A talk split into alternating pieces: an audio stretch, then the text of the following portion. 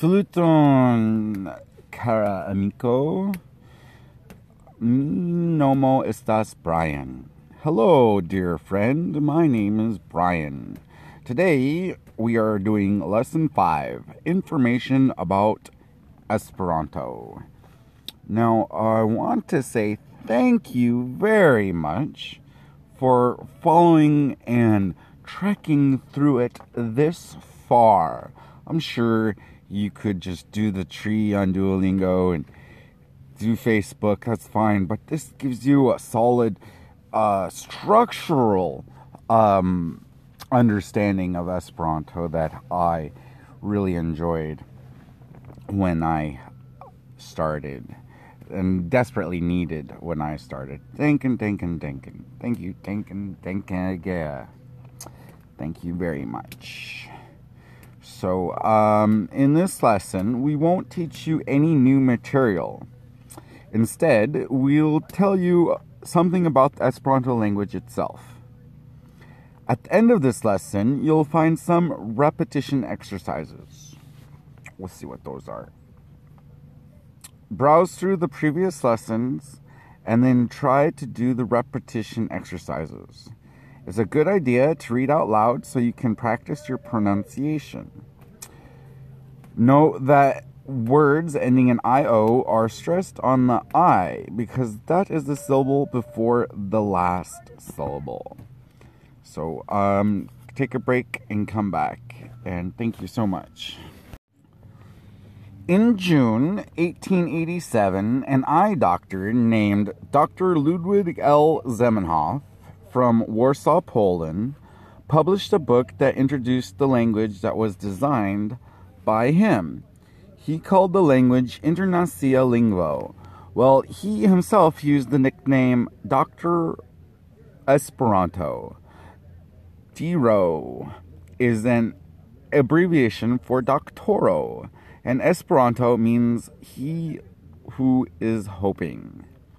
It was a, only a short matter of time till his nickname became equivalent with the name of the language.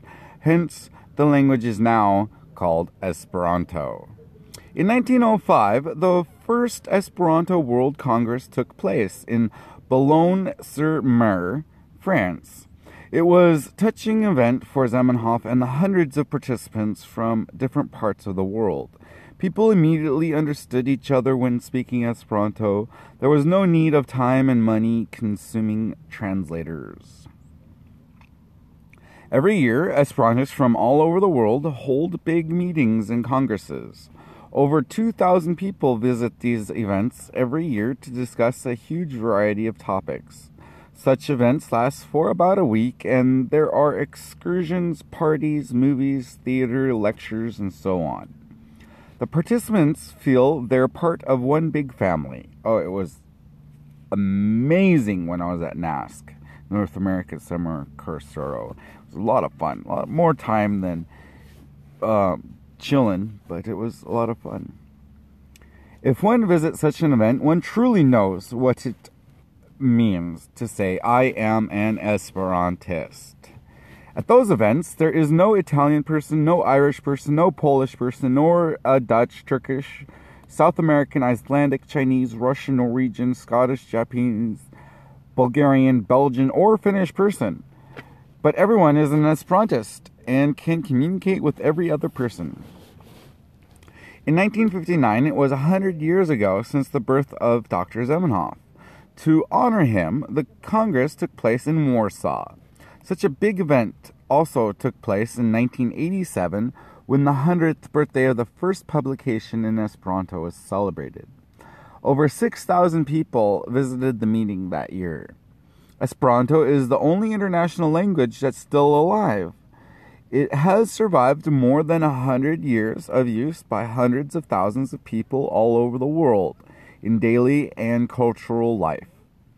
It has also survived two world wars and prosecution by Hitler and Stalin. Some years ago, people asked the United Nations to discuss the language problem. Over 17 million people from various countries acknowledged the value of the Esperanto language as international language by handing in their signature. In 1954, a very important meeting of the UNESCO took place in Montevideo, Uruguay. Esperanto was recognized as an international language with great cultural value for all of humanity. The, uh, the UEA, Universal, Universala Esperanto Asocio, was added by the UNESCO to a list of organizations with a so called consultative, consultative, consultative status. Over 10,000 books are published in the Esperanto language. Among those are original publica- publications as well as translations. New ones are published daily. In the Netherlands, an Esperanto translation was released of the famous Diary of Anne Frank.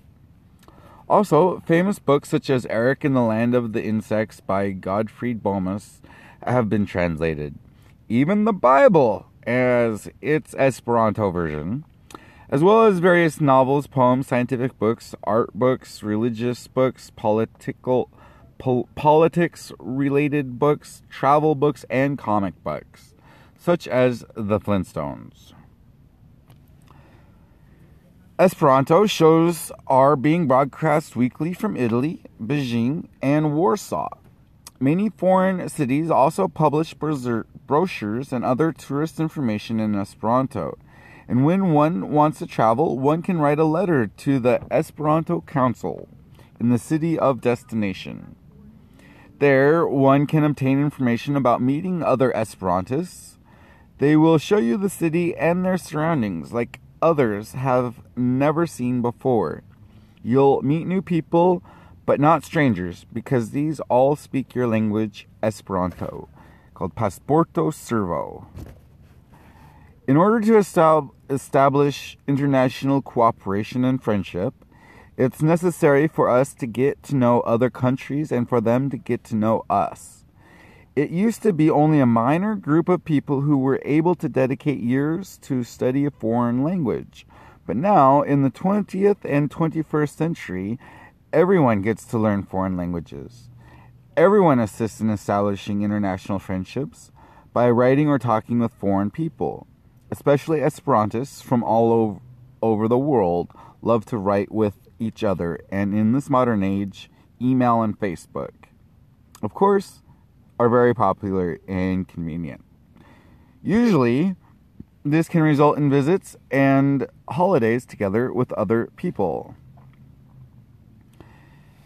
Yes and then there are exercises, but I just don't think that's great for um, audio. And that would be the end of part one. So I want to, me, Princess K, me, uh, Volus, Dirialdine, Denkenport, Adu, Adus, mean, Canelo. Thank you for listening to my channel. I will get better. Yes keep motivating me by listening. I appreciate it. Um, I'm trying to get my friend from uh, Africa, been in Africa to install Anchor so we could talk to him, but he's been really busy. I guess I, I don't know. I've been busy too. Um, and we could record our conversation and put it up here. But uh, that would be nice. Um, thank Kegi. Um, one of the so here's some here's some here's some apps and and um, resources that you may not have heard of. We all heard of Duolingo. That is uh, uh, great, but I started when Duolingo wasn't around. Uh, memrise. You, I put a lot of uh, vocabulary up there. They recently changed, so I don't know if my vocabulary is still on Memrise. It was a flashcard um, intelligent based learning system. B L I U, B L I U, or BlueBlue.com was pretty freaking cool. It showed you the word, you can upload a text in Esperanto, and if you hadn't seen that word before, it shows up in red and you can click it and uh, Um, adds it to the vocabulary and it tells you what it is. Um, there's Go Speaky, there's which is a chat um, based thing, and that's actually very um, active. Go Speaky, very very active. Um, and then there's Amikamuku, Amik, Amikamuku, is Amico, A M I K O U M O, I think, and that's uh, Esperanto based uh, uh, uh, channel uh, uh, app for texting and seeing people around you. There is um, there is Lernu, but that's getting pretty lernu.net, but that's getting pretty outdated and they might have changed it since I last saw it. Um and um oh do uh Evildea on YouTube. He speaks he's in Australia and he speaks um Esperanto mostly. Um uh yeah, I think that's about. Uh, I think um, Facebook. There's tons of Esperantists on Facebook, absolute tons, um, and you can always find a conversation partner there. Yeah, I think um, I think that does it for today. I wonder, um, yeah. Just Revito. See you again.